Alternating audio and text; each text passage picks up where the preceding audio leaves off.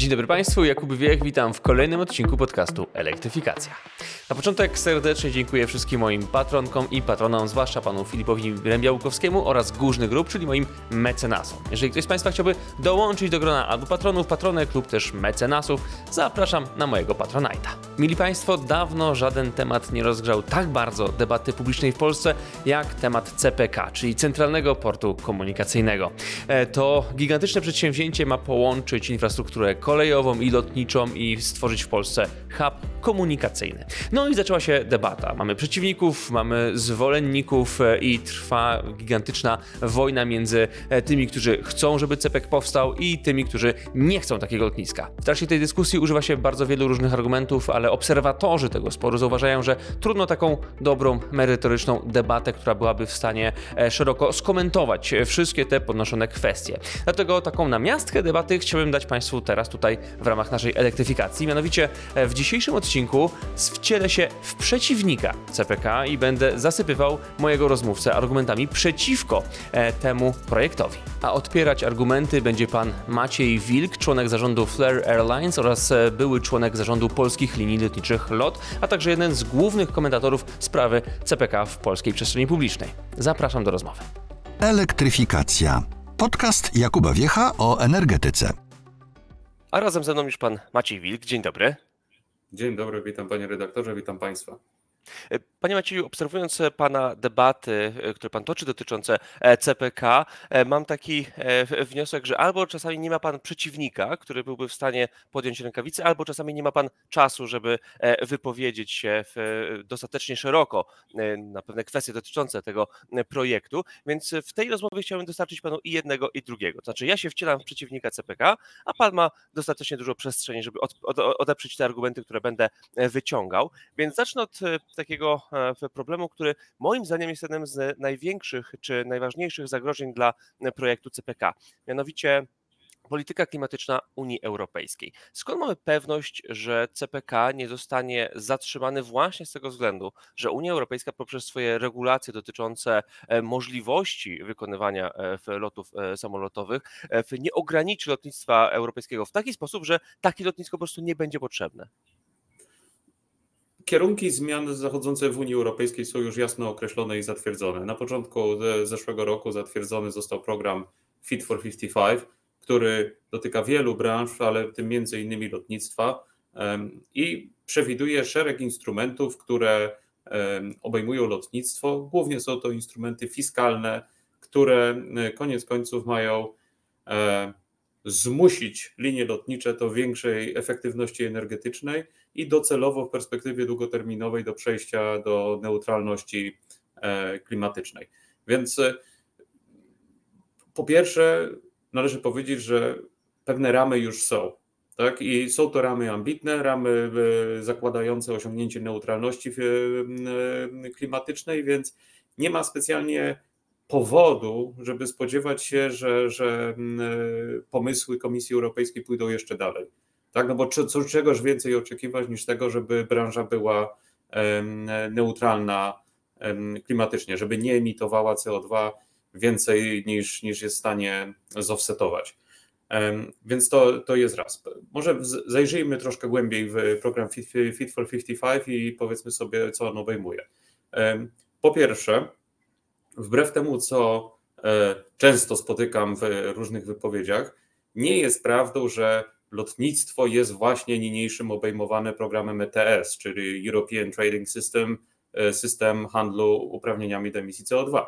Lotnictwo jest objęte tym systemem od roku 2012, a jedyna zmiana, która zachodzi w tym momencie, to jest e, stopniowe na przestrzeni kolejnych kilku lat wycofanie darmowych certyfikatów, darmowych uprawnień do emisji CO2, które linie lotnicze posiadały. Ale tutaj, proszę Państwa, ciekawostka. Pewnie wielu z Państwa się zdziwi, że e, my, jako Polska, jako polskie linie lotnicze LOT, e, w ciągu ostatnich lat aktywnie lobbowaliśmy w Europie za tym, żeby właśnie znieść te darmowe certyfikaty. Można by sobie pomyśleć, że sz- szaleni ludzie, ale, ale, ale absolutnie nie. Chodziło o to, że rozdział tych darmowych certyfikatów został zrobiony w roku 2010 bodaj i niewspółmiernie dużo otrzymało tych darmowych certyfikatów rozwinięte już wówczas linie lotnicze na zachodzie. Mowa o 50-60% emisji em, tych linii lotniczych, podczas gdy LOT w roku 2010 również otrzymał 50 czy 60% e, emisji w postaci darmowych e, certyfikatów. Tylko od tej pory LOT wzrósł dwuipółkrotnie, więc de facto ten udział darmowych certyfikatów znacząco zmalał. Więc de facto paradoksalnie w interesie polskiej lotu było, żeby znieść całkowicie darmowe certyfikaty i wyrównać poziom gry, żeby wszyscy mieli te same, te same warunki konkurencji. To tak w ramach ciekawostki, jak to wygląda w praktyce. Więc mamy tak, wycofanie darmowych certyfikatów. Po drugie, mamy kilka takich powiedziałbym operacyjnych bardziej kwestii, że na przykład zakaz tankeringu, czyli linia lotnicza nie może tankować w jednym porcie, żeby w tą i z powrotem e, zawieźć, zawieźć paliwo, e, gdyż to powiększa masę samolotu, jak samolot jest cięższy, więcej pali, więc jest to mniej przyjazne środowisku. To jest, to jest e, druga rzecz. I trzecia, najważniejsza, to jest wymóg, żeby linie lotnicze stopniowo przechodziły na tak zwane sustainable aviation fuels, czyli e, zrównoważone paliwa lotnicze. I no tutaj są bardzo ambitne plany pokazane, gdyż e, tutaj mowa o tym, że docelowo ten, ten udział SAF-ów w miksie paliwowym powinien wynosić nawet i do 60%. Em, I proszę Państwa, problem z SAF-ami jest taki, że w tym momencie nie ma produktu na rynku w ogóle.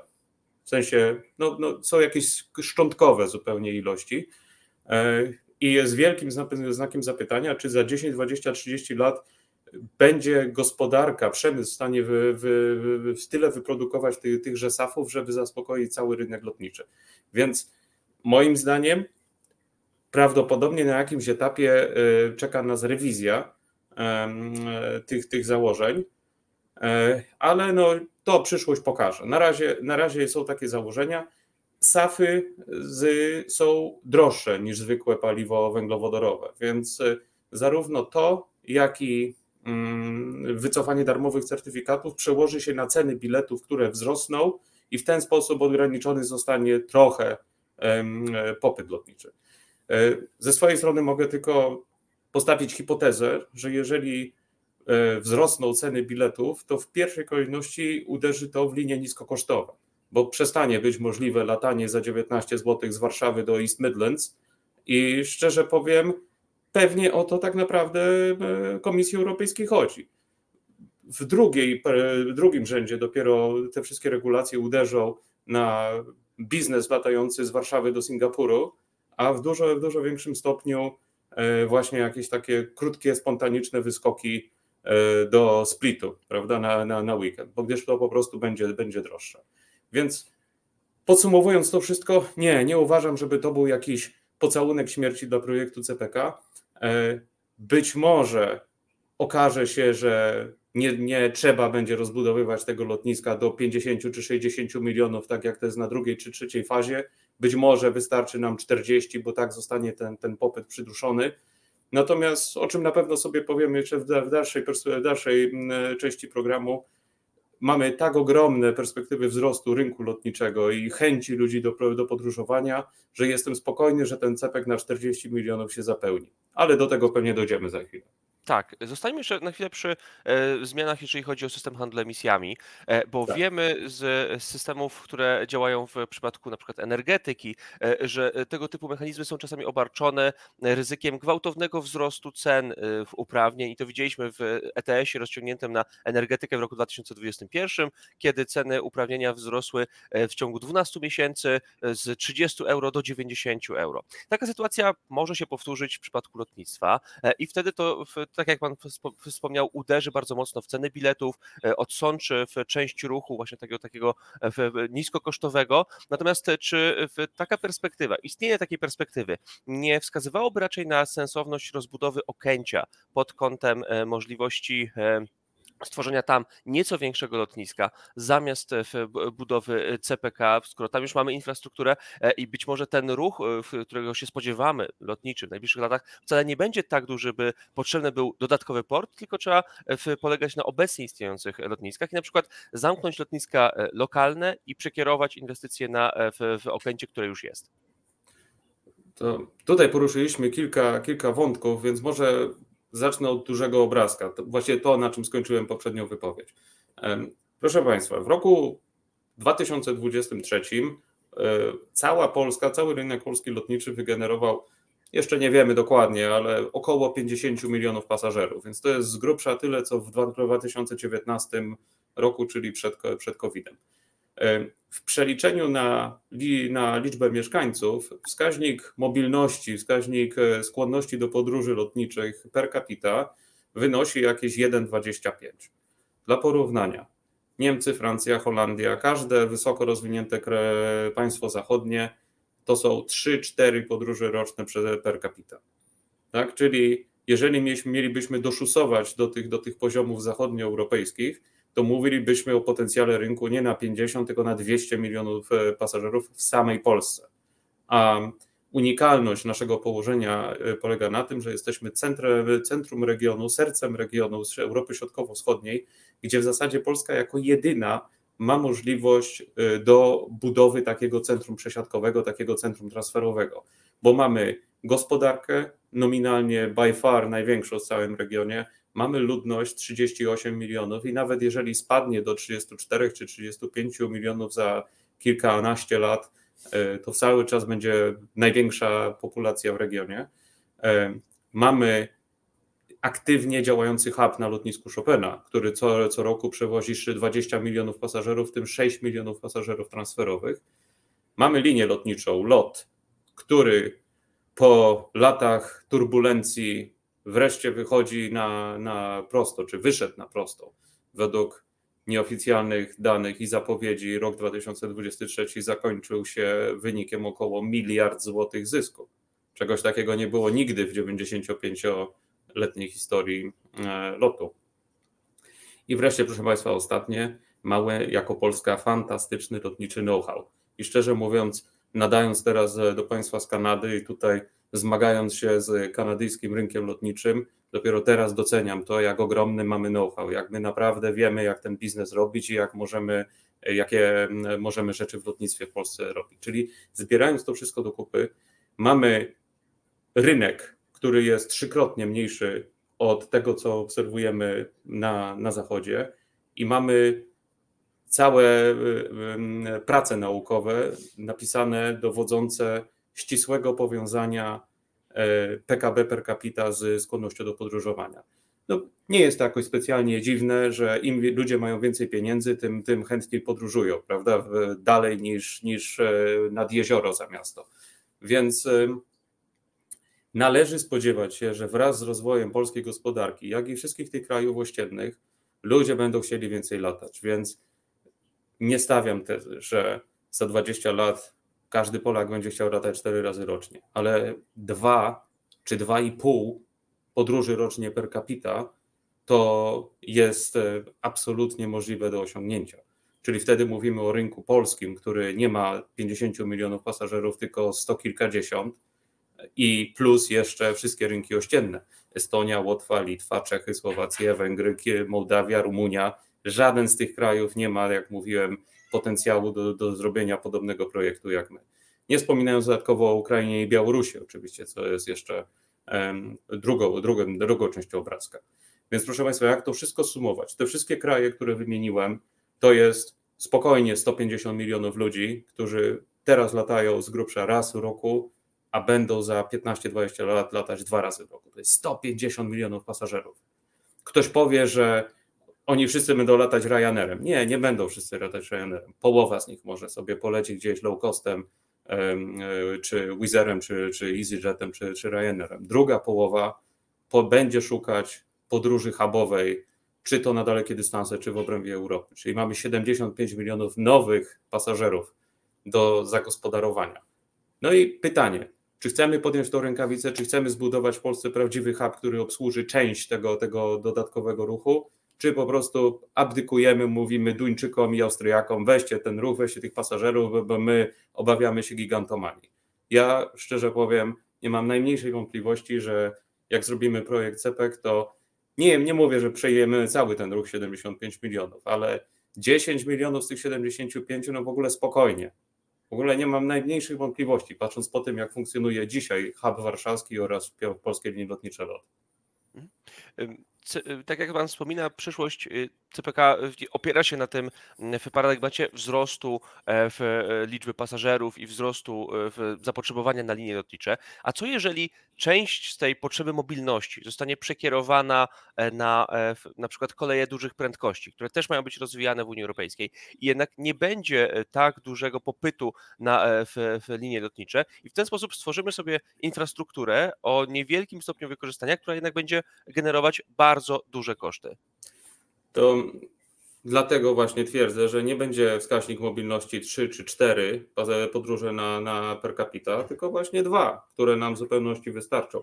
I jednocześnie uważam, że na skutek tych wszystkich klimatycznych polityk możliwe, że na zachodzie Europy ten wskaźnik e, skłonności do podróżowania spadnie z biegiem czasu. Właśnie gdzieś w okolice 2 czy, czy, czy 2,5. I w ten sposób nastąpi co? Konwergencja w, w zakresie Unii Europejskiej, wyrównanie poziomu dobrobytu i mobilności obywateli Unii Europejskiej, co, co jest zresztą wpisane jako jeden z strategicznych celów Unii. Zagadałem się tak o tych kwestiach rynkowych, że nie, nie, nie, w ogóle nie odniosłem się do kwestii Okęcia. No to może pozwolę sobie jeszcze wrócić. Proszę Państwa, Okęcie, e, Okęcie, Okęcie. No, Okęcie dobija właśnie do ściany. E, w roku 2023 przewiezie, przewiezie jakieś 18 czy 19 milionów pasażerów. E, teraz, jak spojrzeliśmy na E, aplikacje, które przewoźnicy lotniczy wykładali na, na sezon 2024, to e, gdyby przyjąć wszystkie aplikacje, gdyby była tylko taka możliwość, to mielibyśmy 23 miliony pasażerów w roku 2024. E, ale lotnisko nie jest z gumy, infrastruktura jest na absolutnym wyczerpaniu. W związku z tym na sezon lato 24 23% aplikacji slotowych zostało odrzuconych, w tym 54% całkowicie nowych aplikacji e, po prostu zostało odrzuconych, bo koordynator slotowy stwierdził, że, że nie ma na nich miejsca. I teraz tak, czy lotnisko Chopina da się rozbudować? Da się, e, ale maksymalną e, taką przepustowość, jaką można wycisnąć z tej infrastruktury, to jest jakieś 27-28 milionów pasażerów, czyli ledwie 8 milionów, e, no powiedzmy 10 milionów ponad to, co było w roku 2023 i ledwie 4 miliony ponad to, na co zgłosili przewoźnicy zapotrzebowanie już teraz na 2024. E, na przepustowość lotniska składa się cały szereg czynników. To naprawdę to, to nie jest tak, że gdzieś jest wpisane w papier, że lotnisko może przewieźć 27 milionów pasażerów tylko to jest wypadkowa wielu czynników, jak pojemność terminala, ilość miejsc postojowych dla samolotów, ilość gate'ów, przepustowość sortowni bagaży, przepustowość drogi startowej. Jest, proszę Państwa, jeden taki kluczowy, absolutnie kluczowy wskaźnik. Jest to limit środowiskowy. A limit środowiskowy określa, ile można wykonać operacji lotniczych na dobę. I w przypadku Okęcia jest to, upraszczając trochę, 600 operacji na, na dobę. Limit ten został osiągnięty w 2019 roku i zostanie ponownie osiągnięty teraz w roku 2024. Znowu, patrząc na to, co, czego życzyli sobie e, przewoźnicy lotniczy, zapotrzebowanie w szczytowych dniach sierpnia dochodziło do 1000 lotów dziennie, a limit wynosi 600. Więc e, ta, te opowieści o rozbudowie Chopina do 27 milionów to trochę abstrahują od tego, że ten limit jest wyczerpany. Ten limit można teoretycznie podwyższyć, ale to się wiąże z otwarciem obszaru e, oddziaływania lotniska, e, wytwarzania hałasu i to naraża operatora e, portu lotniczego na kolosalne odszkodowania hałasowe. No bo trzeba sobie zdać sprawę, że rozbudowa Chopina to jest więcej lotów nad Ursynowem, więcej lotów nad Wolą i Bemowem i nie wspominając o Włochach, nie zakładam, żeby społeczność warszawska zaakceptowała dwukrotny wzrost e, ruchu lotniczego nad głowami, bo wszyscy wiemy, mieszkający w Warszawie, jak to potrafi być już obecnie uciążliwe. Więc podsumowując, czy da się, da się rozbudować, czy da się podnieść ten limit środowiskowy? No, stawiam osobiście, że nie. Tak, to, ale to, to oczywiście można głębszą dyskusję przeprowadzić na ten, na ten temat ostateczny efekt 27 milionów to jest za mało, żeby zaadresować nasze długoterminowe potrzeby, nawet przy, przy uwzględnieniu tych wszystkich kwestii klimatycznych.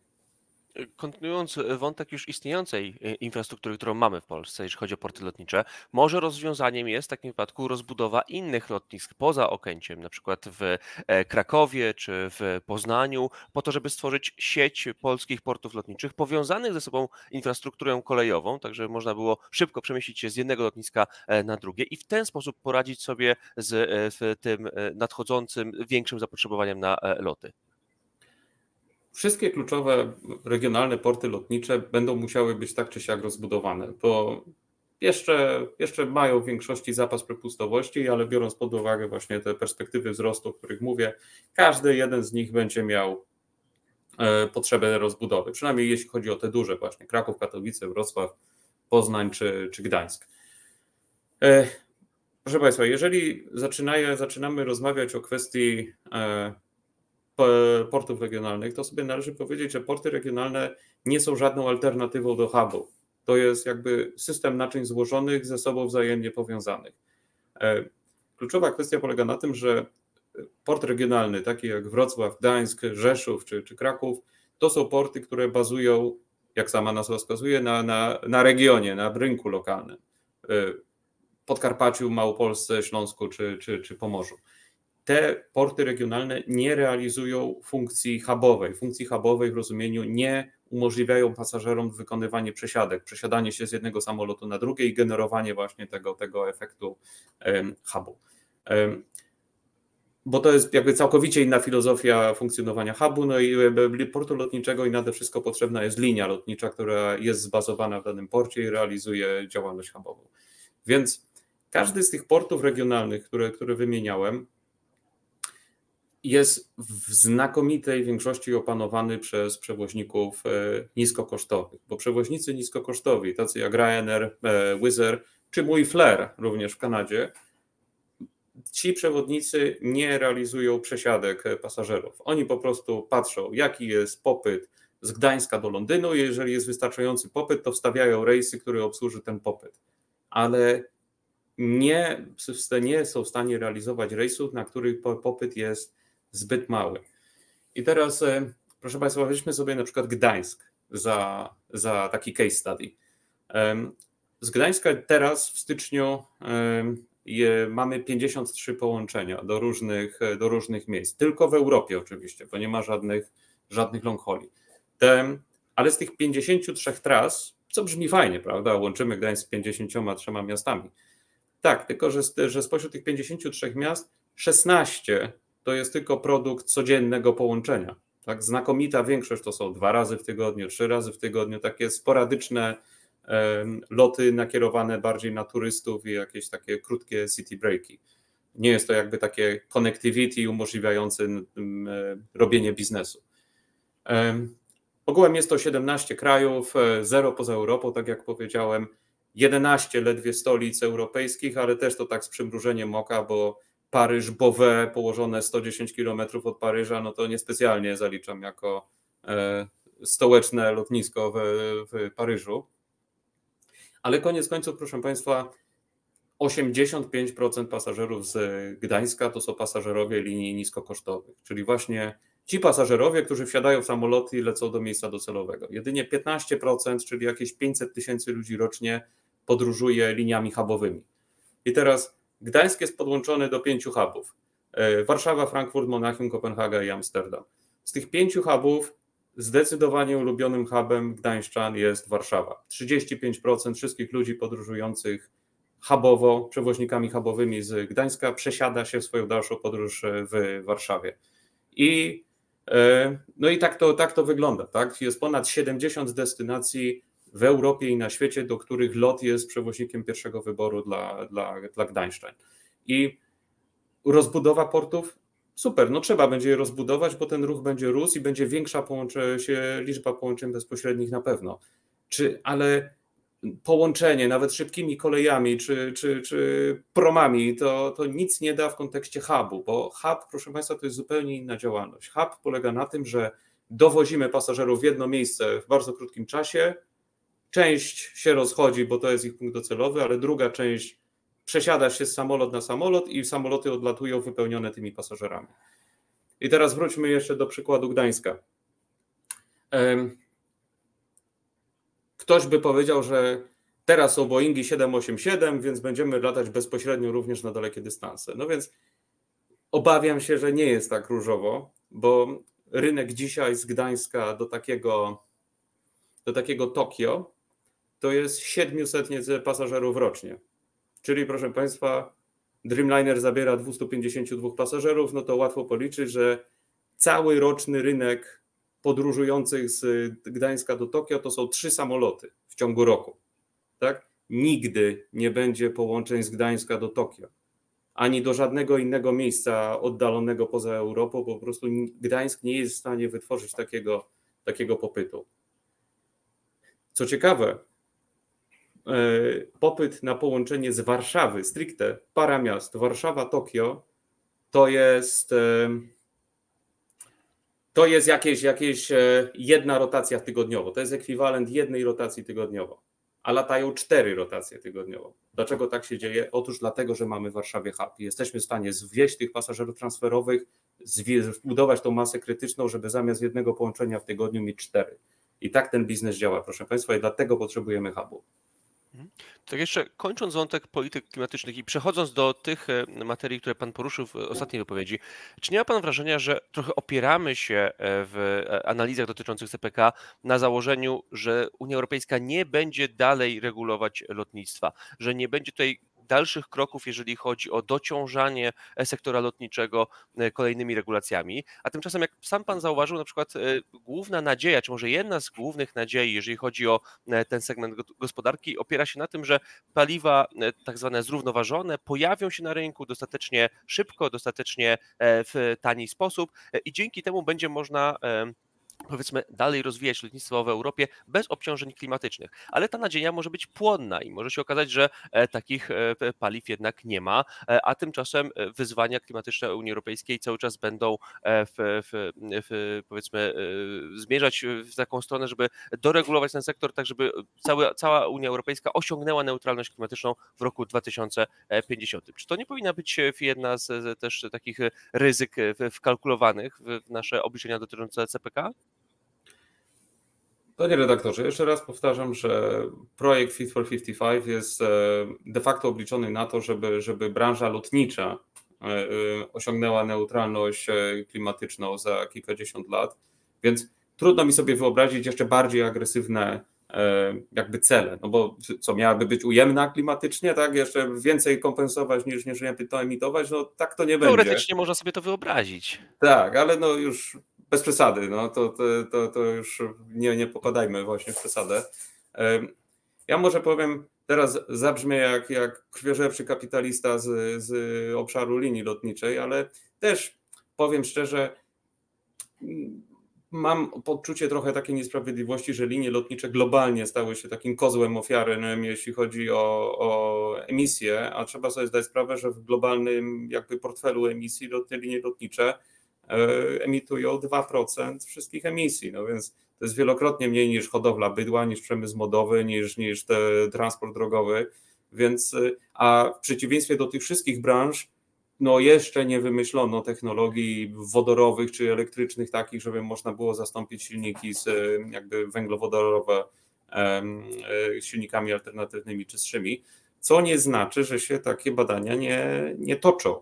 Tak, już teraz są małe samoloty hybrydowe, które częściowo działają na silnikach elektrycznych i jest kwestią czasu, żeby taka nowa technologia się, się pojawiła. E, Ale to mówimy o roku 2050, 45, 50, em, żeby takie samoloty zaczęły wchodzić do służby. A mamy kilkadziesiąt tysięcy samolotów latających na całym świecie, więc, więc to jest 2050 pier, pierwsze samoloty wodorowe czyste wchodzą do służby i kolejne 20 lat, żeby wymienić całą globalną flotę, więc to jeszcze, to jeszcze potrwa. Ale w tym sobie tak naprawdę upatruję szansę. Tak, tak patrząc zdroworozsądkowo, no przecież nikt nie, nie zabroni w, 20, w drugiej połowie XXI wieku latać, latać ludziom, realizować jedną z największych prawda, swobód i, i, i, i e, takich piękniejszych w ogóle rzeczy, jakie można robić, czyli podróżować, zwiedzać świat, poznawać ludzi, no nikt tego nie zabierze, nie wyobrażam sobie, żeby, żeby to miało zniknąć. E, jeżeli nie uda się zapewnić takiej ilości SAF-u, o jakiej mówiliśmy, e, trzeba będzie po- poszukać większych, większego potencjału w kompensacji, czy robić wszystko, żeby przyspieszyć e, właśnie tą rewolucję technologiczną i, i, i opatentowanie e, nowych silników, na których praca, tak jak mówiłem, toczy się już, już od dawna. Więc, e, więc może tak, tak jeszcze w ramach, w ramach takiego pół żartem, pół serio powiem, że SAFy mają być produkowane między innymi z oleju pofrytkowego, to na całym świecie nie, nie spożywa się tyle frytek, żeby zasilić awiację chociaż na jeden dzień, więc to mówimy o tego typu wyzwaniach. Trzeba zwiększyć popyt na frytki. e, O, tak, jest to z pewnością jedna, jedna, jedna z taktyk. Tak. Tak, będę się starał to robić dzisiaj wieczorem. E, Natomiast e, w, przejdę w takim razie do takiego argumentu, który jest chyba moim ulubionym, jeżeli chodzi o krytykę, z tego względu, że uosabia bardzo wiele cech, moim zdaniem, pokutujących gdzieś tam w naszym społeczeństwie, mianowicie gigantomania, megalomania, jeżeli chodzi o budowę takiej infrastruktury. Ale spojrzę na to trochę z innego kąta, nie takiego e, prostego, tylko e, czy e, są panu znane przykłady takiej infrastruktury, jaką planujemy w ramach CPK, które powstałyby tak szybko, jak ma powstać CPK. Lotnisko w Istambule zostało zbudowane w 4 lata. Od razu lotnisko o pojemności 90 milionów ludzi, zbudowane na powierzchni 76 km kwadratowych. Dla porównania CPK w pierwszej fazie to, to maksymalnie 40 milionów i czterokrotnie mniejsza powierzchnia zabudowy. E, Więc tak, to jest taki najświeższy przykład, bo lotnisko zostało otwarte bodaj w roku 2019. E, Terminal 5 na Heathrow e, w Londynie był budowany 5,5 roku. Tak, to oczywiście sam terminal, więc to nie to, nie to samo co całe lotnisko, ale terminal budowany na działającym porcie lotniczym i to jednym z największych na świecie, bo oni tam się na przykład mierzyli z kwestią taką, że nie mogli w ogóle e, żurawi dźwigowych e, wykorzystywać. Więc są, nie, absolutnie nie uważam cztero czy pięcioletniego okresu budowy jako, jako jakiejś, jakiejś aberracji. Oczywiście zaraz ktoś może wyjechać z przykładem Berlina e, nieszczęsnego, ale to nie róbmy z kompromitacji państwa niemieckiego jakiejś reguły e, prawda, w budownictwie lotnisk, gdyż, e, gdyż no, tak nie było. Niemcy postanowili parokrotnie zmieniać e, projekt w trakcie budowy. No, popełnili karygodne błędy, jeśli chodzi na przykład o wentylację tego te- terminala, no to komedia pomyłek, która zdarzyć się nie powinna była, a, a która na pewno nie musi się powtórzyć w na, naszym przypadku. A nie ma pan obawy, że tutaj e, rozmiar tej infrastruktury zwiększa niepomiernie jej ryzyka towarzyszące e, budowie, bo tu mamy do, do czynienia nie tylko z samym lotniskiem, ale też właśnie z całym hubem, jeżeli chodzi o infrastrukturę kolejową, e, gdzie w każdym przypadku, w zasadzie w każdym przypadku szprychy mamy oddzielne ryzyka, jeżeli chodzi o opóźnienia, jeżeli chodzi o niedowiezienie tego tematu, co również będzie przekładać się na możliwości dostępowe do CPK. Czy to nie sprawia, że ten projekt jest w pewien sposób wyjątkowy, ale też obarczony wyjątkowymi ryzykami?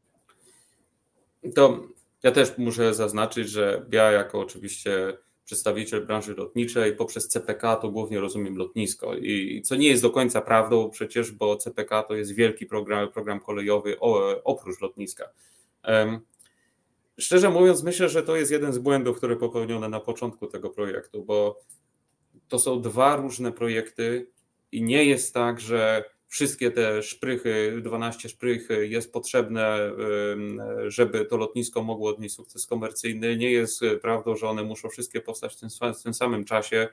E, A to, co warto podkreślić, to że 3 czwarte całego budżetu tego projektu ocenionego na 300 milionów zł, miliardów złotych to jest właśnie kolej. 3 czwarte.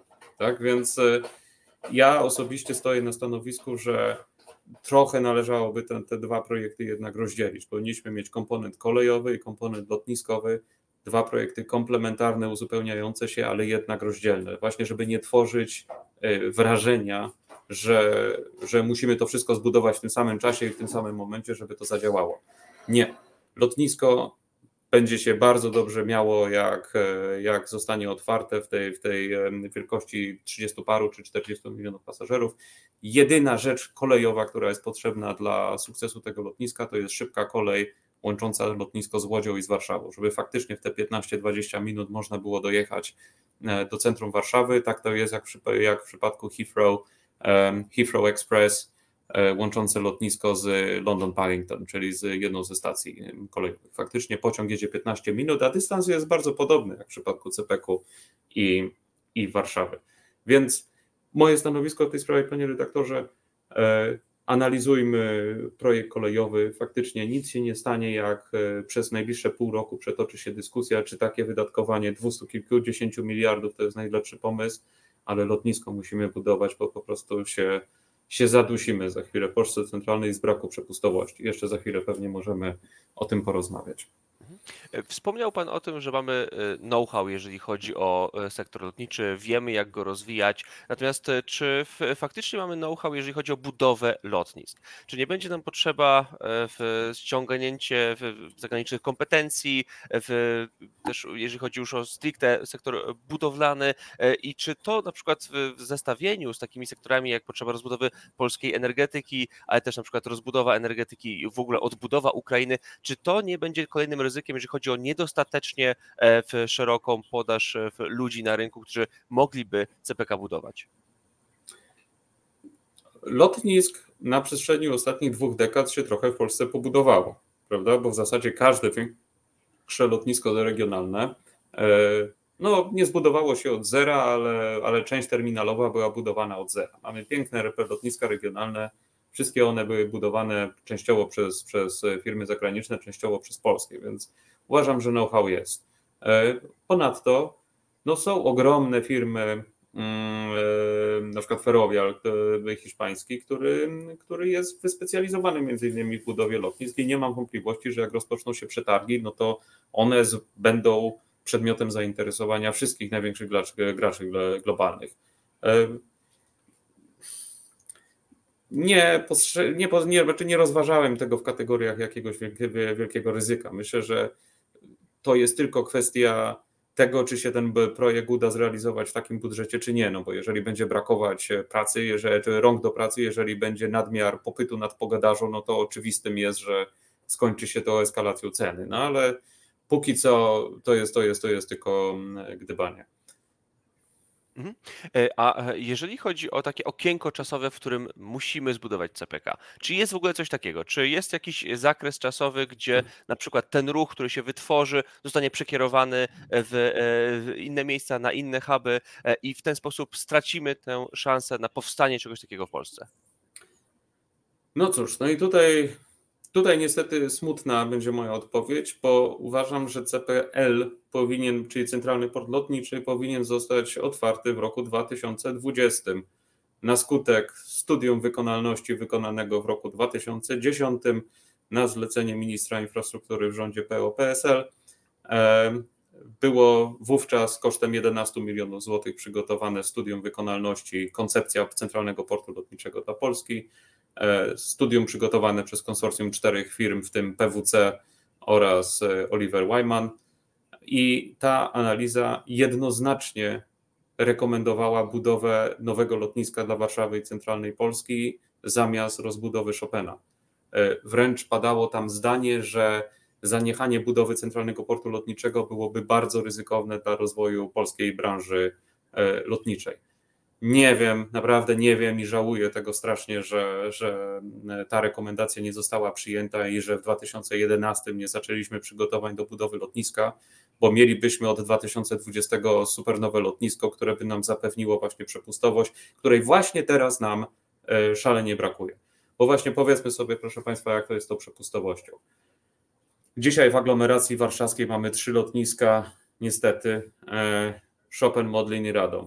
Tak? One razem mają jakieś 28 milionów e, przepustowości. No i teraz e, łączna, łączna liczba pasażerów w aglomeracji warszawskiej teraz to jest jakieś 23, czyli mamy 5 milionów przepustowości zapasu. Ale tak, prognoza na rok 2030 dla aglomeracji warszawskiej to jest 30 milionów, na 35 rok 39, na 40 rok 45 versus 28 milionów przepustowości. Mówiliśmy już, że możemy troszkę tam stanąć na głowie i zwiększyć tego, tego Chopina pod warunkiem, że zwiększymy liczbę operacji na dobę, zwiększymy do 27, czyli będziemy mieć przepustowość łączną 35 versus 45 w roku 2040. Więc y, to pokazuje, jak, jak po prostu strasznie nam brakuje tej przepustowości teraz. I co najgorsze, proszę Państwa, jeżeli byśmy mieli teraz zacząć rozbudowywać Chopina, to mamy lotnisko wypełnione w 100% i zaczynamy rozbierać część terminala, wylewać prawda, beton na, na kolejnych hektarach ziemi. Czym to się kończy? Ograniczeniem przepustowości przez 2-3 lata. Czyli nie dość, że nie, nie, mieliby, nie moglibyśmy rosnąć, to jeszcze z tych 20 milionów musielibyśmy spaść na, nie wiem, 16, 17 przez szereg lat, żeby, żeby móc to lotnisko rozbudować, a skończyć z miernym i prowizorycznym e, efektem, czyli lotniskiem na 27 milionów, które nijak się ma do właśnie tych długoterminowych potrzeb. Więc tak niestety wygląda ta sytuacja. Właśnie przez to, że w roku 2011 nie padła decyzja o budowie CPL-u, dzisiaj znajdujemy się w, tym, w tej sytuacji. E, panie redaktorze, jeszcze słówko, bo już widzę jako efekt e, dla, na, te, na te moje słowa zarzuty, że ale rząd PiSu wstrzymał e, inwestycje w Chopina w roku tam 18 czy coś tam. Taki był to błąd. Tak, mówię, mówię otwarcie, był to błąd. Trzeba było to zrobić. Nie trzeba było ładować pieniędzy w Radom, tylko stworzyć taki komfort zarządowi pol polskich portów lotniczych, żeby móc te inwestycje na 2-3 miliardy złotych przeprowadzić.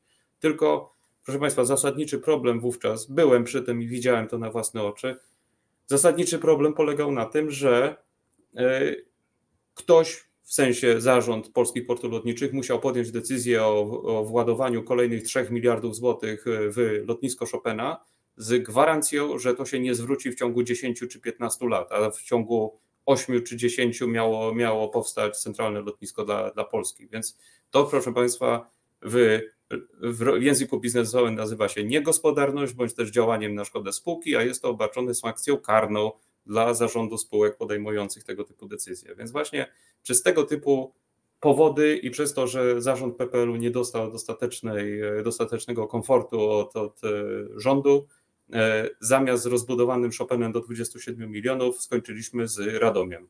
I mhm. nic dodać, nic ująć.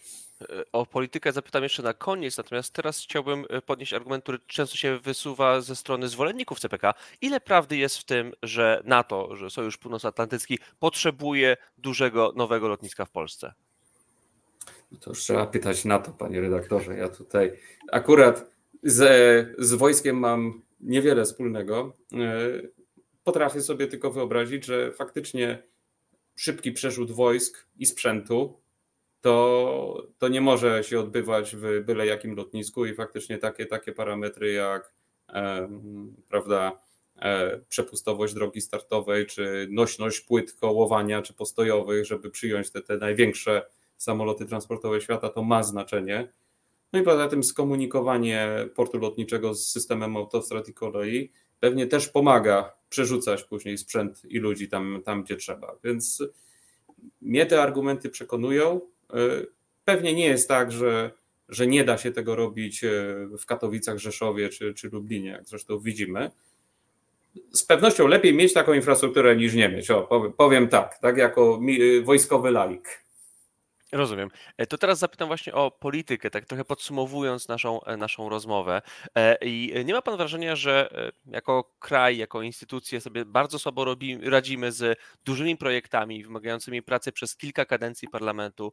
I czy w, ze względu na taką naszą słabość instytucjonalną nie powinniśmy poprzestać na tych przedsięwzięciach, które są możliwe do zrealizowania w ramach tej właśnie słabości, czyli na przykład na rozbudowie mniejszych lotnisk po to, żeby w ogóle chociaż część tego ruchu, który się wytworzy w Polsce, jeżeli chodzi o zapotrzebowanie na ruch e, lotniczy, e, jakoś e, zagregować u nas. Panie redaktorze i szanowni państwo, dotknął pan, myślę, sedna tutaj w tym wszystkim. My musimy jako kraj, jako społeczeństwo przełamać tą, tą niemoc wreszcie, to myślenie w perspektywie czterech lat i myślenie o interesie własnej partii, a nie o interesie państwa. tak, jego długoterminowej strategii i interesach. W przypadku Centralnego Portu Lotniczego mamy, mamy do czynienia z projektem, który jak mało który nadawałby się do takiej właśnie ponadpartyjnej zgody i, i, i wspólnej realizacji. Bo jeszcze raz przypomnę, prace nad koncepcją Centralnego Portu Lotniczego zaczęły się w roku 2003 za rządów SLD. Następnie w 2006 kolejne studium wykonalności, które zresztą wskazało Baranów jako potencjalną lokalizację, e, przygotowane na, na, w trakcie rządów e, pierwszych PiSu. Później ten 2010, jak PO-PSL wydaje 11 milionów złotych i otrzymuje rekomendację budować.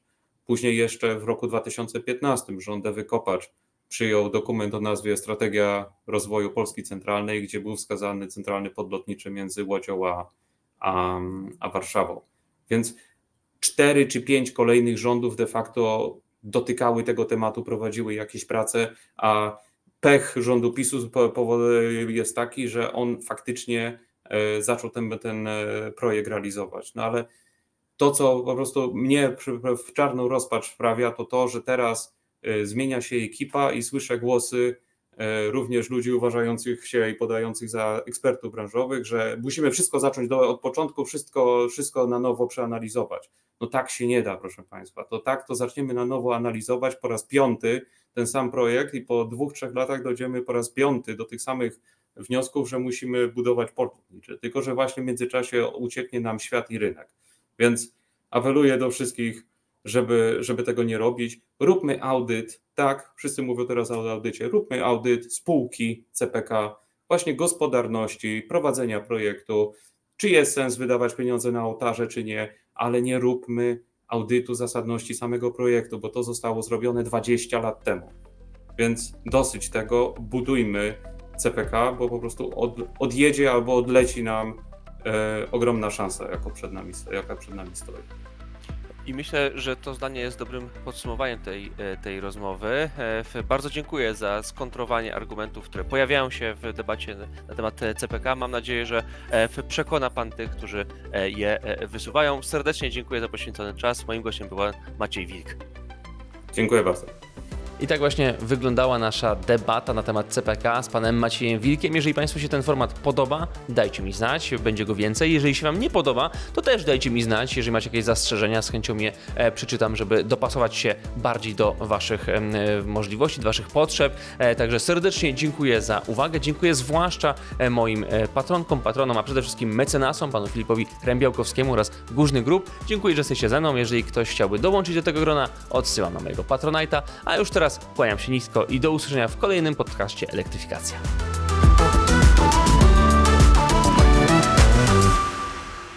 To była Elektryfikacja. Podcast Jakuba Wiecha o energetyce.